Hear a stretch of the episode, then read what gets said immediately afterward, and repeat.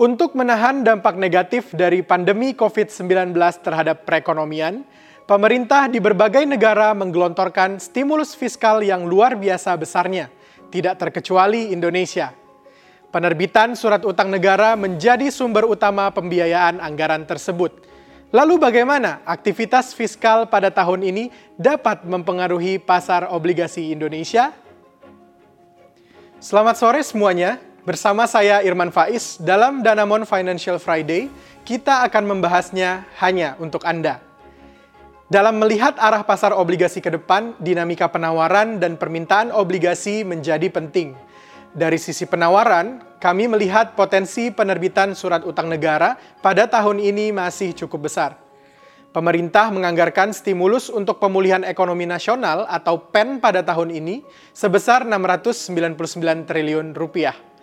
Jumlah ini meningkat dari realisasi sementara tahun 2020 yang tercatat sebesar 580 triliun rupiah.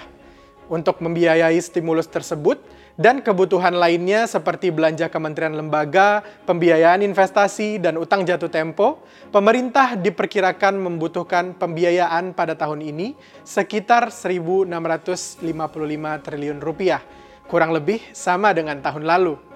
Berdasarkan strategi pembiayaan yang dirilis oleh Kementerian Keuangan, sekitar 1.535 triliun akan dipenuhi melalui surat utang negara dengan proporsi denominasi rupiah sebesar 80-85 persen.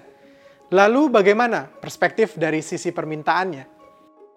Jika kita lihat dari kepemilikan obligasi pemerintah yang dapat diperdagangkan, penting bagi kita untuk mencermati potensi dari tiga pemain besar, yaitu investor asing, perbankan, dan bank sentral.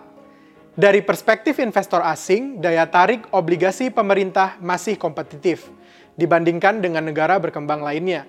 Jika kita bandingkan spread yield dari obligasi 10 tahun domestik dengan obligasi 10 tahun Amerika Serikat dan disesuaikan dengan premi resiko menggunakan kredit default swap 5 tahun, imbal hasil dari obligasi Indonesia lebih tinggi dari negara-negara seperti India, Filipina, dan Malaysia. Hal ini akan menarik investor asing untuk masuk ke pasar obligasi domestik, apalagi stimulus negara-negara maju masih akan besar pada tahun ini.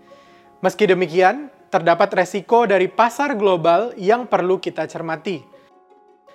Pelaku pasar global memiliki ekspektasi perbaikan ekonomi Amerika Serikat yang lebih cepat, sehingga dikhawatirkan akan mendorong inflasi serta suku bunga acuan lebih cepat.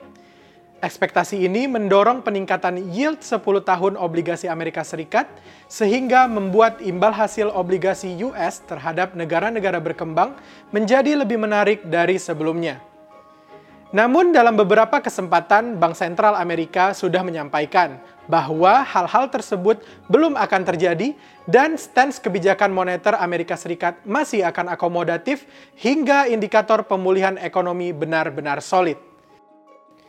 Kedua, permintaan dari perbankan diperkirakan masih akan besar, namun tidak sebesar tahun lalu. Jika pemulihan ekonomi pada semester 2 tahun ini berjalan sesuai dengan ekspektasi, maka permintaan untuk kredit akan mulai menggeliat. Di sisi lain, permintaan kredit akan membentuk penciptaan uang di pasar, sehingga juga dapat mendorong peningkatan pada dana pihak ketiga. Kami memandang sektor perbankan masih akan mampu menyerap sekitar 263 triliun dari penerbitan obligasi pada tahun ini jika kredit tumbuh pada kisaran 4-5% dari tahun lalu. Faktor selain permintaan kredit yang juga akan mempengaruhi kapasitas bank untuk menyerap obligasi tahun ini adalah kebijakan makroprudensial dari Bank Indonesia yang tentunya akan mempengaruhi likuiditas dalam sistem perbankan. Ketiga, Peranan bank sentral tentu menjadi determinan penting dari arah pasar obligasi ke depan. Pada tahun lalu, BI telah melakukan pembelian obligasi pemerintah melalui dua mekanisme, yaitu pembelian langsung dan mekanisme pasar atau standby buyer. Pembelian BI secara langsung yang ditujukan untuk pembiayaan kesehatan, perlindungan sosial, dan UMKM telah terrealisasi sebesar 398 triliun di tahun lalu. Selain itu, pembelian BI sebagai standby buyer juga telah terrealisasi sebesar 76 triliun rupiah pada tahun lalu.